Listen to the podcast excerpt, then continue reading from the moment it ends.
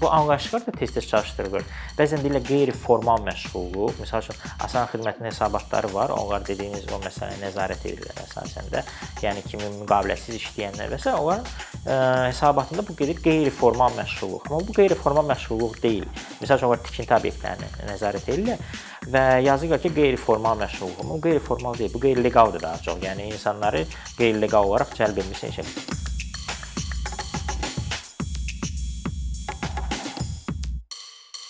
Salam Toğrul, xoş gördük səni. Mən istəyirəm biz söhbətimizə ilk öncə əmək bazarından başlayaq. Bilirik ki, ötən ilin əvvəllərindən etibarən demək olar ki, bütün dünyada pandemiya ilə bağlı məhdudiyyətlər tətbiq olundu. Və bu dəfəki böhranın maraqlı yanı ondan ibarət idi ki, əvvəlki belə böhran çağırışlar olan zamanlarda daha çox iqtisadi səbəbdən bunlar yaranırdı. Amma burada böhranın çıxış nöqtəsi tibbi səbəblərdən idi. Çünki insanlar ona görə pul xərcləmirdilər ki, onlar gəlir e, qiymətlərinin dəyişəcəyini düşünürdülər və ya bir anda gəlirləri kəskin azalmışdı. Onlar sadəcə evdən çölə çıxa bilmirdilər və buna görə də bir çox iş yerləri fəaliyyətini dayandırmalı olmuşdu. Və dünyanın bir çox ölkələrində də bu səbəblə hökumətlər sosial dəstək paketləri ilə çıxış etdilər. Təbii ki, Azərbaycanda da belə bir paket qəbul olundu. Amma biz e, həm müstəqil iqtisadçılardan, həm də elə hökumət rəsmilərinin özündən tez-tez eşidirik ki, Azərbaycanda e, qeyri-məşğul əhalinin, kölgə iqtisadiyyatının miqyası böyükdür.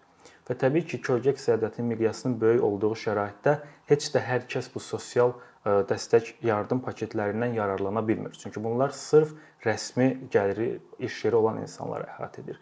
Biz məsələyə e, sahibkarların gözündən baxsaq, mənə maraqlıdır. Niyə Azərbaycanda onlar əmək münasibətləri tam olaraq leqallaşa bilmir. Çünki biz son illərdə görürük ki, hökumət məsələn özəl sektorda gəlir vergisindən azad etdi. Tez-tez reydlər keçirilir və əmək müqaviləsi olmayan iş yerlərinə cəzalar tətbiq olunur, amma yenə də biz əmək müqavilələrini muzla işləyənlərin sayında kəskin bir artım görə bilmirik. Mənə maraqlıdır, niyə Azərbaycanda əmək münasibətləri tam olaraq leqallaşa bilmir? Bu məsələdə ilk əvvəl bir neçə istiqamət var da. Dediyim məsələdə məsəl üçün var əmək bazarı məsələsi, məs işçilər tərəfindən baxış və sahibkarlar dediyin sahibkarlar. İlk əvvəl mən istəyirəm ümumiyyətlə işçilər, ümumiyyətlə əmək bazarı barədə danışım. Bizdə bir çox hallarda belə yanlış təəssürat yaranıb ki, bizdə kifayət qədər çox işçi var, daimi iş yerində, sadəcə onları leqallaşdırmırlar.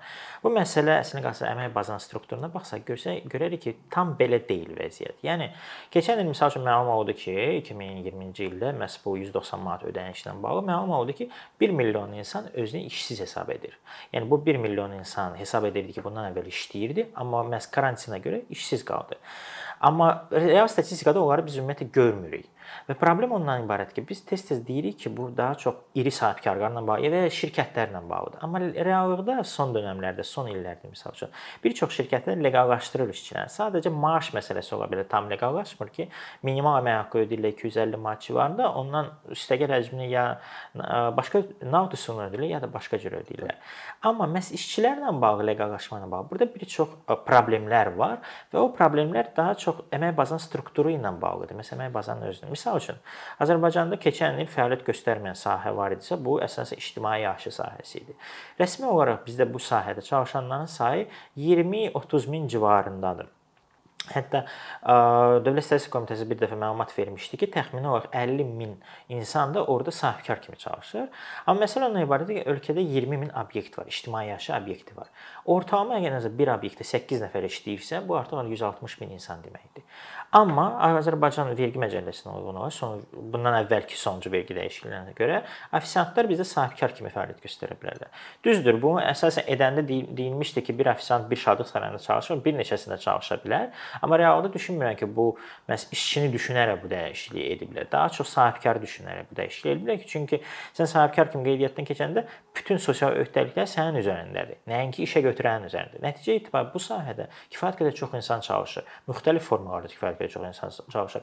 Adi getsə Şadıq sarayında nə qədər böyük personalı var. Amma onların hamısı işçi kimi qeydiyyatdan keçmir. Yəni əmək bazarına uyğun deyillər. Onlar faktiki sahibkar kimi gedirlər. Eyni zamanda keçən il bizdə məsəl üçün taksi işçilərin sayı çoxaldı. Ən təkcə Bakıda 50 minə çatdı olan sayı ümumi olaraq.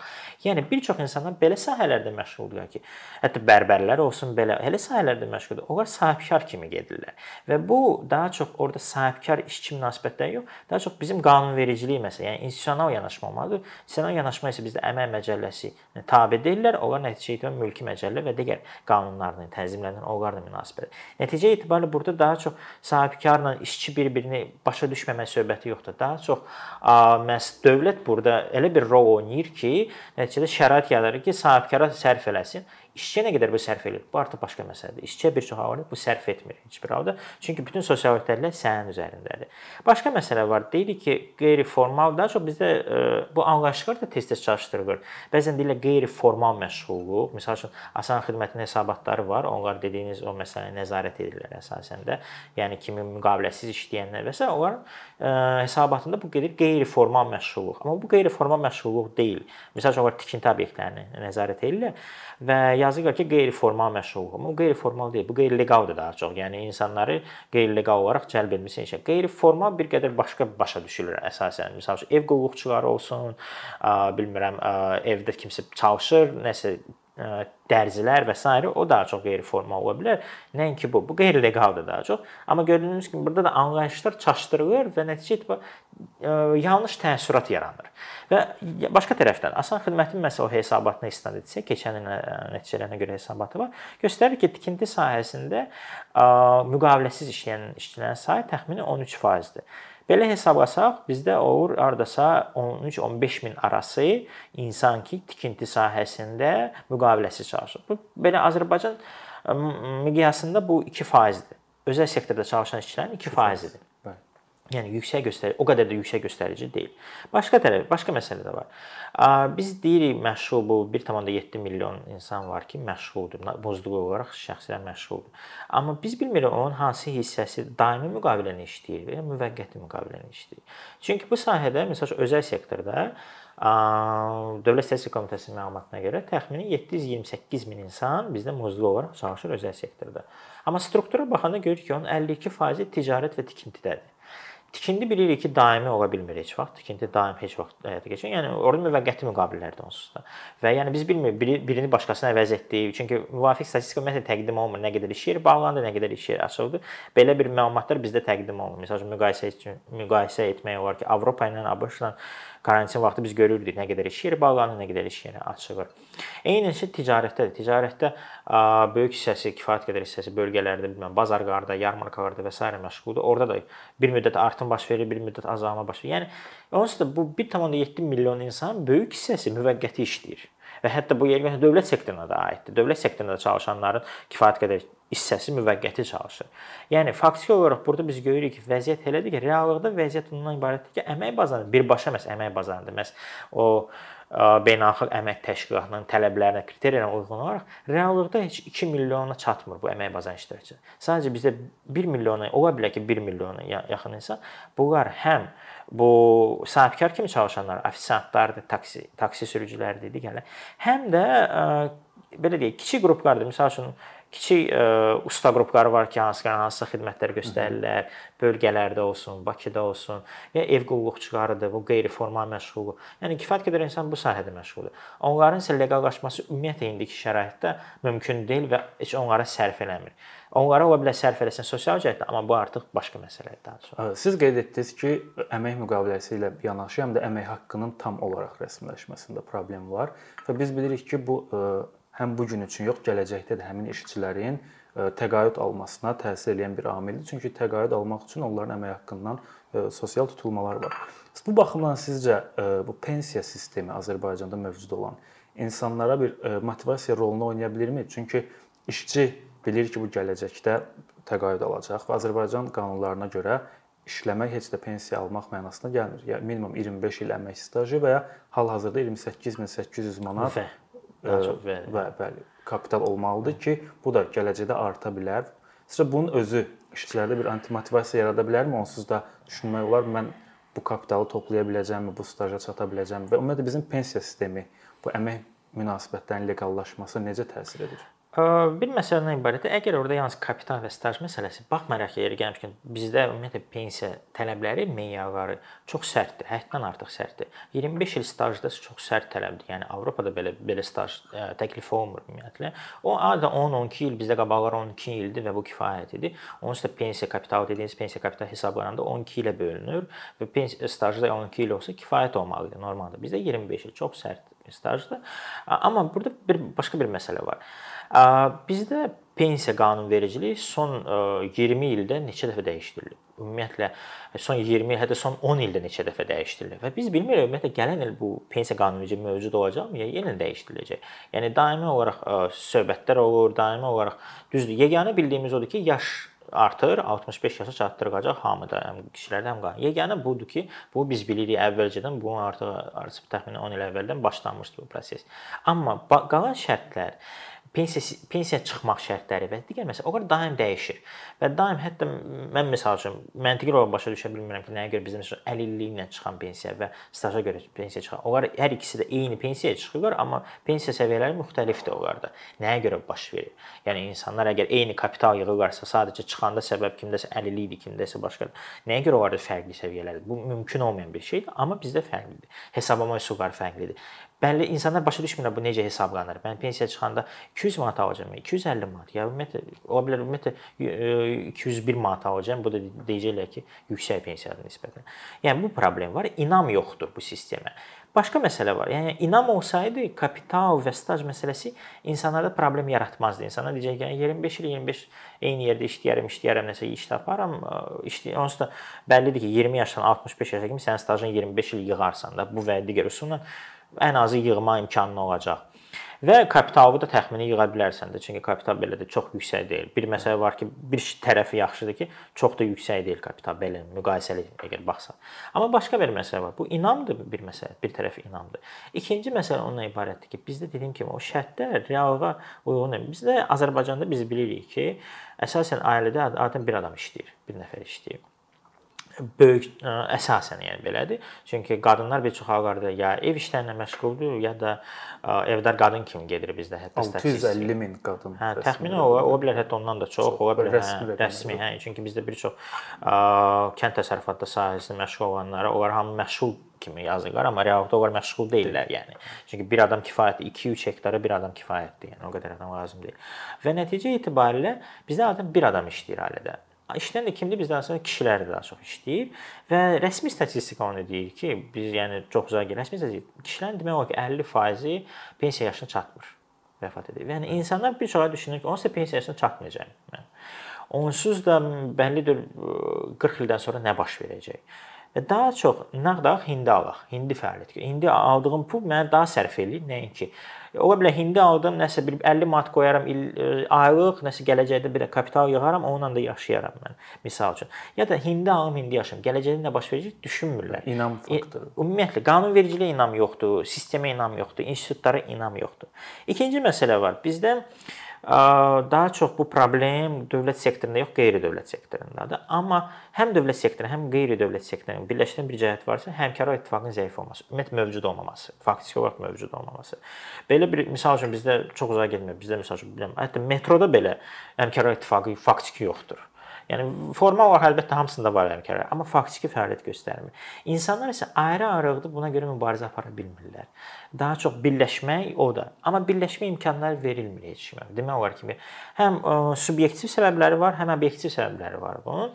Həm qanunvericilik tərəfdən, həm nəzarət və digər. İnsanlar birləşməyəndə ayrı-ayrı mübarizə üsulları mümkün deyil. Və nəticə itibarilə onlar daha çox düşünürlər bugünkü günü və özlərini daha çox.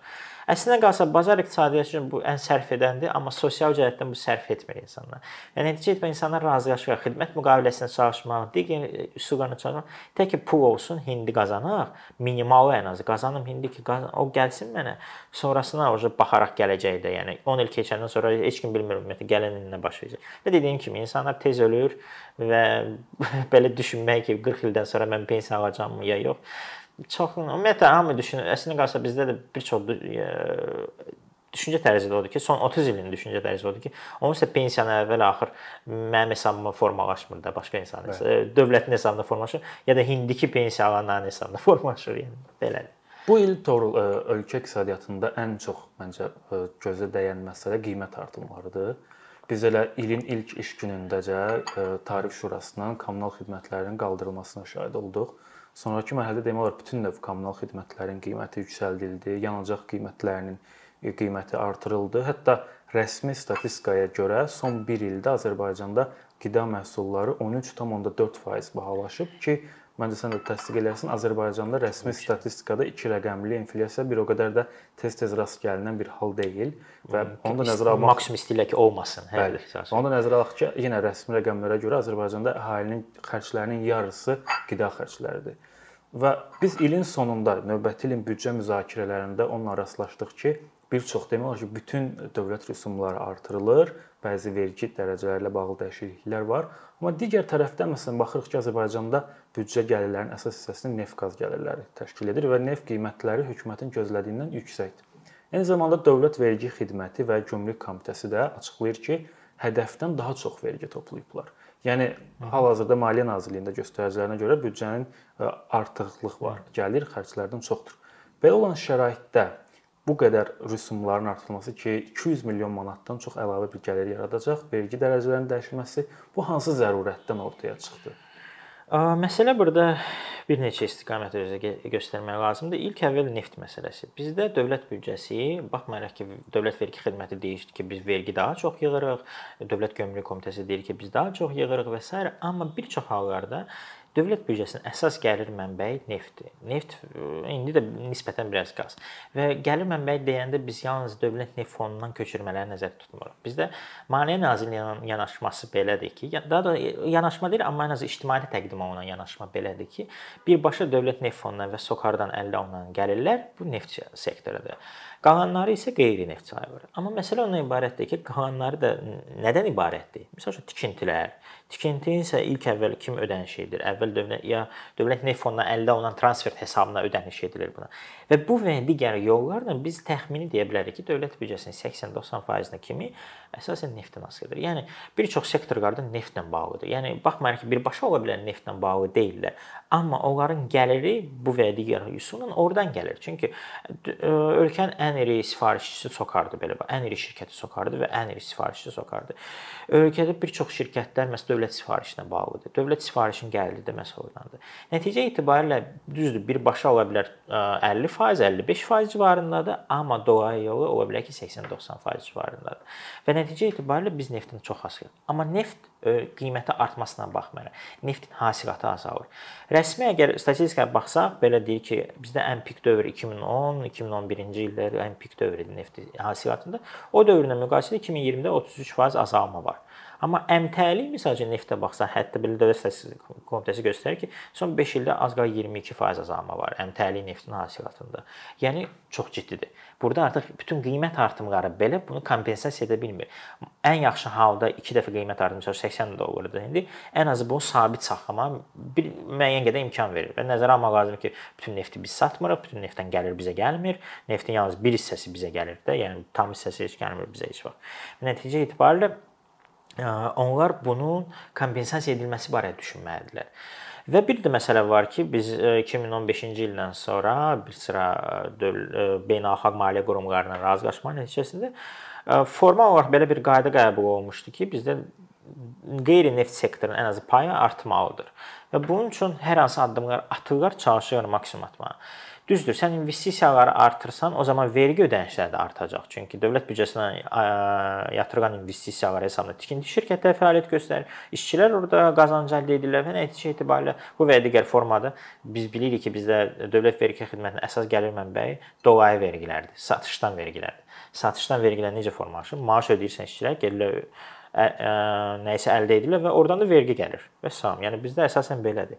Və Bu indi bunu kompensasiya etmək lazımdır. Bəs onu necə kompensasiya etmək olar? O düşünün. Bizdə keçən il bunu keçən yox, bu il bunu etdilər təminat fondu hesabına.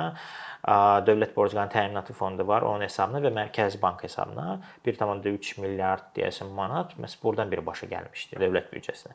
Gələn il bunu edə bilmirlər artıq, çünki təminat fondundan problem yaşana bilər, çünki o bizdə daha çox lazımdır ki, dövlət şirkətlərinin borclarının ödənilməsi. Orda isə çox yüksək risklər var və Maliyyə Nazirliyi də bunu təsdiqləyir ki, çox yüksək risklər var ki, dövlət şirkətləri borcları ödəyə bilməyəcəklər. Və o təminat fondunu bərpa etmək lazımdır bəs başqa variant nədir? Ola bilər ki, transferti biraz artırmaq, amma transferti çox artırmaq çətindir. Vergi dərəcəni dəyişdirmək yenə də çətindir. Çünki vergi dərəcəsini dəyişdirmək bu artıq yenə də sən gətirəcəksən daha daha çox inflyasiya gətirəcəksən, daha çox digər məsələ. Və onlar qərar verdi ki, dolayı üsullarla bunu edək. Dolayı üsul da nə deməkdir? Dövlət Gömrük Komitəsinə canfəşanlıq eləmək, yəni dolayı üsuldur faktiki. Çünki onlar götürürlər müxtəlif qiymətlərdən hesabı yuxarı. Çünki vergi dərəcə biz görürük ki, reallıqda fiziki olaraq idxal artmır. Fiziki olaraq da idxal demək olar ki, azalır, azalır. hətta, hə. Hı. Amma görürük ki, ödənişlər artır. Bu necə mümkün olan bir şeydir? Mümkün olmayan bir şeydir. Amma onların e, xeyrinə işləyən bir şey varsa, qiymət artımı, dünya bazarında baş verən qiymət artımı və ikinci məsələ var ki, onların hesablama üsulları. Yəni daha çox onlar nəinki insanlar düşünürlər, daha çox onlar büdcəni doldurmasını düşünürlər. Və burada nəzərə almaq lazımdır, sahibkarlar da çox da düzdür. Bəzi sahibkarlar belə kiçik, orta sahibkar etiraz edirlər. Amma sahibkarlara bu çox da belə fərq eləmir, çünki onlar sabah bu vergini qiymətdə əks etdirirlər. Yəni biz istehlakçılar daha çox zərər çıxır, e, hiss eləyirik. Nəinki sahibkarlar. Sahibkarlar səndən alacaqlar, ödəyəcəklər dövlət büdcəsinə. Yəni onlar üçün ciddi problemdir. Yəni bunlar yollar axtaran və bu yolu da dövlət rüsumlarında sistemi dəyişdirməkdir. Dövlət rüsumu bundan əvvəl əgər müxtəlif şirkət, e, dövlət qurumları əldə edirlərsə, indi birbaşa dövlət büdcəsinə gedəcək. Dövlət büdcəsinə gedəcəksə, eyni anda gəlin qaldıraq bunun həcmini. Qaldırdılar. Problem ondandır ki, bunun birbaşa təsiri qiymət artımına olmayacaq birbaşa. Çünki bir çox sahələr elədir ki, qiymətlə əlaqəsi yoxdur. Amma bu trenddir. Bazara trend verirsən ki, qiymət artımı. Biz rüsumları qaldırdıq. Bu isə sahibkarlar üçün bir siqnaldır ki, deməli, dövlət büdcəsinin gəlirlərinə problem var. Onları kompensasiya etmək istəyirlər. Nəticədə ola bilər bizdən kompensasiya edəcəklər. Gəlin biz də qiymətləri qaldıraq. Nəticədə bütün qiymətlər qalxır, qalxır nəticə etibarilə və Nəticədə biz də yüksək inflyasiya ilə rastlaşırıq və məsələ də ondan ibarətdir ki, statistikaya baxsaq görəcəyik ki, qiymət artımı kələm, kartof. Biz adətən bizdə Mərkəzi Bank deyir ki, xaricdən idxal olmuş inflyasiyadır, amma kələmlə kartof tərəvəz məhsulları tərəvəz məhsulu ən yüksək artım tərəvəz məhsullarındadır. 15%-dən də yüksəkdir. Onlar isə yerlidir əsasən. Yəni deməli problem nədədir? Problem bizim daxili iqtisadi münasibətlərdədir və bu təəssüflər olsun ki, həll olunmur çünki Maliyyə Nazirliyi bir məqsəd güdür, dövlət büdcəsinin doldurulması, vergi xidməti o məqsədə riayət eləyir, istəyir və gömrük xidməti. Amma bazarın forma bazar barədə, yəni insanlar barədə düşünən təəssüflər olsun yoxdur. Torlu son dövrlərdə tez-tez səsləndirilən bir yanaşma var. Deyirik ki, müharibədən sonra bu Qarabağda yenidən qurma işləri gedir və dövlət büdcəsindən buna bu il 2.2 milyard manat həcmində bir vəsait ayrılmışdı. Və nə zaman bu qiymət artımları ilə bağlı qərarlar qəbul edilsə, vergilər, dövlət rüsumları və bir kəsim insanlar deyirlər ki, bəs bu qiymət artımlarının ən çox şərtləndirən amillərdən biri yenidən qurma işləridir və müharibə ilə bağlı hətta xərclərdir. Və rəsmi rəqəmlər nə deyir? Yəni doğrudanmı Azərbaycandakı qiymət artımlarına, yenidən qurma işləri və yaxud müharibə xərcləri ciddi təsir imkanına malik idimi? Rəsmi rəqəmlər deyir ki, məsəl üçün bizdə keçən il biz bilirik ki, məsəl üçün investisiya büdcəsi var idi. İlin sonunda qəbul olunmuş bir sərəncama görə bu investisiya büdcəsinin bir hissəsi verilmişdi Müdafiə Nazirliyinə və demək olar ki, müdafiə xərcləri tamamilə təmin olunmuşdu. Orada çox böyük məbləğdir. Yəni 100 milyonlarla bir vəsait barədə söhbət gedir. Yəni müharibə xərcləri oradan kompensasiya edilmişdi artıq. Yəni əlavə xərclər lazımdır. Onlar dövlət büdcəsi nəzərdə tutulub. Amma necə nəzərdə tutulub? Bizdə adi hər il 5-6 milyard investisiya xərcləridir. Bu 5-6 milyardı artıq 3 hissəyə bölünür. 3 hissə deyəndə nə nəzərdə tutulur? Yəni bir hissəsi standart investisiyalar necə var idi, məsəl üçün bilmirəm, Oğuz rayonunda məktəbin tikilməsi və ya digər Bir hissəsi Qarabağın işğaldan azad olmuş olmuş ərazilərin bərpasına və bir hissəsi hərbi xərclərdir. O misal üçün dövlət sərhəd xidmətinin obyektlərinin tikilməsi və s. Orada da 1 milyarddan bir qədər çox vəsait ayrılıb əlavə. Yəni belə deyək, ümumi olaraq əgər bir baxsaq birbaşa olaraq investisiya hissəsinə, dövlət büdcəsi investisiya hissəsinə heç bir dəyişiklik baş verməyib. Yəni keçən il nə qədər idisə, təxmini bu ildə elə eyni həcmdədir. Sadəcə onun içində dəyişiklik baş verib. Və nəticə itibarilə yəni Əgər qabaqlar Azərbaycan bölgələri, yəni işğal olunmuş bölgələr çıxmaq şərti ilə alırdılar 5 milyard təxmini, indi onlar alırlar 2.5 milyard, yəni azalıb 2 dəfə. Onlara xərclənən vəsait azalıb. Yəni ümumi dəyişiklik yoxdur. Çünki Maliyyə Nazirliyi digərləri başa düşürlər ki, əgər birdən-birə sən 2.2 milyard artırsan dövlət büdcəsini, onsuz da bizdə artım baş verir. Amma artım necə baş verir? Kompensasiya olunmuş artım baş verir birdən-birə məhz investisiya xərclənir 2.2, yəni 5 milyarddan sən 8 milyard artırsan, bu ümumiyyətlə çox ciddi təsir edəcək hər şeyə, hər tərəfli. Və dövlət büdcəsinin belə imkanları yoxdur. Artım əsasən nəyin hesabına baş verir? Qiymət artımının hesabına. Yəni inflyasiya səviyyəsini bilirik, inflyasiya səviyyəsinə uyğun olaraq dövlət büdcəsinin gəlirləri də artır. Yəni bu məntiqli olaraq vergi də daha çox yığılacaq artıq və s. Amma başqa hesablara baş vermir. Yəni bu belə demək düzgün deyil. Yəni Qarabağın bərpası onsuz da mövcud olan resurslar hesabına baş verir. Düzdür, Qarabağ bərpasına 2.2 milyard yox, o birbaşa xərcdir. Təxmini hesablayıram ola bilər ki, 3 milyarda kimi xərclənəcək. Hələ hərbi xərclərə çıxmaq şərti ilə, hərbi xərclər bura aidiyyəti yoxdur. Və ə, düzdür, bu böyük paydır. Hı -hı. Amma 2019-da büdcə necə idi?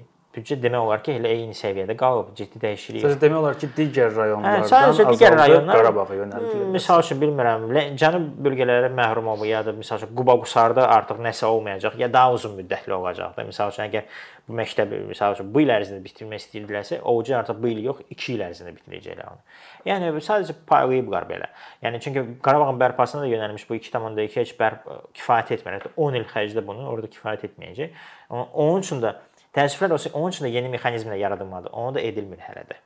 Və Toğrul, Azərbaycanda insanların iqtisadiyyatla bağlı ə, ən çox maraqlandığı mövzu devalvasiya mövzusudur. Xüsusilə 2015-ci ildən sonra iqtisadiyyatla maraqlanan, maraqlamayan hər kəs iqtisadçılardan bu sualı soruşur. Və bilirik ki, devalvasiya öz başına baş vermir. Müəyyən bir amillər var ki, bu şərtlər olduğu təqdirdə hökumətlər devalvasiyaya gedirlər. Və mənim üçün maraqlı orada hal-hazırda Azərbaycanda bu devalvasiyanı şərtləndirən göstəricilər nə yerdədir və gözləntilər bununla bağlı nədən ibarətdir? Hmm, devalvasiya əslində qalsa bizdə bir çox hallarda başa düşülmür devalvasiya nədir? Devalvasiya xarici valyutaya qarşı rəsmi valyutanın ucuz qaçmasıdır. Problem burada daha çox bu rəs bizim rəsmi valyutanın formalaşmasındadır. Onun səviyyəsi, məzənnəsi necə formalaşır. Burada bir neçə yəni bizdə bu sahədə əslində qalsa iki qurum var da, belə deyək. Maliyyə siyasətini müəyyən edən Maliyyə Nazirliyidir, monetar siyasəti müəyyən edən Mərkəzi Bankdır. Amma faktiki olaraq burada bizdə 3-4 qurum fəaliyyət göstərir. Maliyyə Nazirliyi, Dövlət Neft Fondu, SOCAR və Mərkəzi Bank. Nəyə görə belədir? Çünki ölkəyə valyuta gətirən, əsasən valyuta gətirən. Çünki xarici neft şirkətləri valyutanı ölkədən çıxardırlar. Amma valyuta gətirən bu SOCAR-dır, Dövlət Neft Fondudur. Onlardan başqa heç bir valyuta mənbəyi yoxdur demək olar ki, digər valyuta mənbələri pul köçürmə, amma onların həcmi çox da yüksək deyil. Yəni bizim hətta illik idxalatımızı təmin etməyə heç kömək edə bilməz.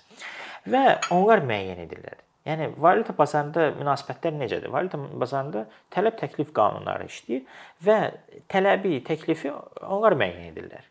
Və faktiki olaraq bizdə hətta bazar belə buraxılsa belə bir müddətli buraxılsa, yəni devalvasiya biz nəyə görə deyirik? Çünki devalvasiya yalnız o zaman baş verir ki, tənzimlənən məzənnə var. Yəni kimsə tənzimləyir və qərar verir ki, məzənnəni aşağı salaq, ya da ola bilər revalvasiya eləsin, məzənnəni qaldırsın. Amma tənzimlənən olmalı. Hətta amma bizdə elə bir vəziyyətdir ki, hətta məzənnəni buraxsaq belə özü müəyyənsə tələb təklif banklar və ya digər strukturlar mümkün olmayacaq. Çünki valyuta gətirən ölkəyə yalnız 2-3 subyekt var, digərləri yox. Digərləri çox cüzi həcmdə və o yalnız e, cari cari əməliyyatların təminatında kifayət etmir. Yəni faktiki olaraq bizdə bu asılıdır bu subyektlərdən. Subyektlər Dövlət Fondudur, Mərkəzi Bankdır və Maliyyə Nazirliyidir ki, o dövlət olaraq ən böyük tələbat manata ən böyük tələbatı təmin edir. Amma Maliyyə Nazirliyi isə bu burada öz rolunu belə qoyub ki, bizim üçün vacib deyil. Valyut siz bizə məsəl üçün dövlət neft fondunun transferti var da, ora hər il 2.12.7 milyard manat həcmində. Onlara vacib deyil bu transfert necə təmin olunur. Tək ki təmin elə. Və faktiki olaraq elə ki çıxır ki, dövlət neft fondu müəyyən etməlidir bunu. Yəni indi dövlət neft fondu nə vaxt sərf etməyəcək bu 1.7 ilə dəyişdirmək, o zaman devalvasiya riski yaranacaq. Nə vaxt sərf etməyə bilər? Əgər neft qiymətləri aşağı səviyyədə olacaq. İndiki məsəl üçün dövlət büdcəsi müəyyən olunub 50 dollar həcmində. Əgər 50 dollardan aşağı, məsəl üçün 40 dollar, 30 dollar həcmində neft satılsa bizdə və hardasa bir 3-6 ay ərzində bu dəyişilməyən səviyyədə qalsa, o zaman devalvasiya riski çox yüksək olacaq, həddindən artıq yüksək olacaq. Çünki dövlət neft fondu artıq öhdəliklərini yerinə yetirə bilməyəcək. Düzdür, onda indi də defitsit büdcədir, yəni xərcləri, gəlirləri üstələyir. Amma onlar əsasən bu fərqi aktivlərin artımı hesabına təmin edirlər. Məsəl üçün bu ilin 9 ay ərzində 1.5% artıb onların aktivlərin həcmi. Yəni bunun hesabına təmin edirlər necəsə. Amma bu baş verməsə, yəni bu il məsəl üçün olan aktivlərin bahalaşır. Çünki səhmlər bahalaşır, ümumiyyətlə bazarlarda bu artım söhbəti var da. Amma gələn il bu ola bilər, olmaya bilər artım söhbəti sabit qala bilər. Eyni zamanda yəni bu 3-4 ay, 3-6 ay kimi dövrə kimi qalsa belə qiymət dəyişməsin, yəni 40 dollar, 30 dollar. Eyni zamanda bizdə başqa digər proseslər baş verə bilər. Yəni tələbat daxili tələbat arta bilər və onu təmin edə bilmir. Məsəl üçün keçən ilin martında Mərkəzi Bank təmin edə bildi daxili tələbatın artımını təmin edə bildi. Düzdür, çətinliklə, amma təmin edə bildi bu artımı. Təmin etmək imkanı olmayacaq artıq o zaman öz ehtiyatları kifayət etməyəcək və bu davam etsə və riski artsa, o zaman biz görə bilərik ki, devalvasiyaya gedəcəklər. Məcburi qaydada devalvasiyaya gedəcəklər. Çünki gəlirləri olmayacaq, aktivlə biz bizdə rəsmi siyasət elədir ki, dövlət fondunun aktivlərinə toxunmamaq, maksimum toxunmamaq, çünki bizim dövlət borcu məsələsi var deyə, ona görə toxunmamaq söhbəti var. Və nəticə etibarilə bu uzun müddət davam etsə, uzun müddət deyəndə ki 3, 4 ay, 5 ay, o zaman devalvasiyaya gedəcəklər hər bir halda. İndiki mərhələdə lazım deyil bu. İndiki mərhələdə yalnız Mərkəzi Bank mənim fikrimcə ən yaxşı addım olsaydı bir qədər bu bazarı liberallaşdırsaydı, ən yaxşı addım olacaqdı. Amma çünki mərhələli şəkildə liberallaşdırma sabah riskləri azalda bilər. Amma onlar buna getmək istəmirlər, çünki bu bəzi şoklara gətirə bilər. Şoklar isə şoklar zamanı idarə etmək çətindir deyə onlar da bu riskə getmək istəmirlər. Olduqca uğurlu. Çox təşəkkür edirəm ətraflı cavabların üçün. Çox xoş oldu.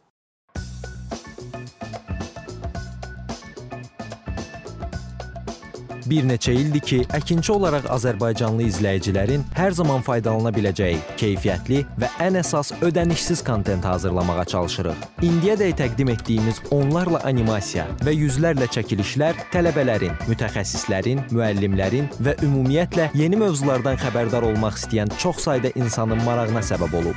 Bu illər ərzində hazırladığımız videolar təhsil, texnologiya, ictimai fəallıq, iqtisadiyyat, gender bərabərliyi, ətraf mühit, ifadə azadlığı, hüquq, demokratik inkişaf, mədəniyyət və digər mövzuları əhatə edib. Məqsədimiz çoxlu baxış gətirən deyil, çoxlu fayda gətirən videolar hazırlamaqdır. Amma bu düşündüyümüz qədər asan deyilmiş. Gördüyümüz iş kifayət qədər resurs, əmək və təbii ki, davamlılıq tələb edir. Bu səbəbdən Patreon platformasından istifadəyə başladıq. Əkinçinin Patreon hesabının populyarlaşmasına çox böyük ümidlərimiz və gözləntilərimiz var. Bəziləriniz Patreon haqqında ilk dəfə eşidirsiniz. Əslində çox sadə izahı olan bir platformadır. Təsəvvür edin ki, siz rəssam və ya musiqiçisiniz. Sosial şəbəkələrdə sizi izləyən, işinizi bəyənən çox sayda insan var. Patreon platforması sizə imkan verir ki, izləyicilərinizin könüllü aylıq ödənişləri sayəsində işinizi davam etdirəsiniz. Sərgi, konsert zallarından asılı qalmayasınız. Amma bu təkcə rəssam və musiqiçilərə aid deyil. Məsələn, əkinçiyə bənzər fəaliyyətlə məşğul olan bəzi layihələrin 10 minlərlə patronu var. Biz də düşündük ki, nə üçün əkinçinin Patreon hesabı olmasın? Sizin dəstəyiniz sayəsində biz daha çox və daha keyfiyyətli kontent yaratmağa davam edə biləcəyik. Amma bu dəstək yalnız maddi dəstək deyil. Dəstəkçilərimizin sayının artması gördüyümüz işlərin faydalı olduğuna dair əminlik verir. Patreon platformasından istifadə çox sadədir. Hesabınızı açırsınız, sizə uyğun dəstək növünü seçirsiniz və Patreon özü hər ayın ilk günü kartınızdan seçdiyiniz dəstək növünə uyğun ödəniş tutur. Bu qədər. Sonda onu demək istəyirik ki, dəstəkçilərin sırasına qoşulmaq istəyən, amma məhdud imkana görə bunu edə bilməyənlər narahat olmasın. Daha öncə dediyimiz kimi, bizim əsas məqsədimiz daha çox insanın hər zaman faydalana biləcəyi keyfiyyətli və ödənişsiz kontentin yaradılmasıdır. Bunun üçün mütləq patronumuz patronumuz olmalısınız deyə məcburiyyət yoxdur. Amma imkanınız patron olmağa çatırsa və bizim işimizi bəyənirsinizsə, patronlarımızın sırasına qoşulmağınız bizim üçün çox önəmlidir.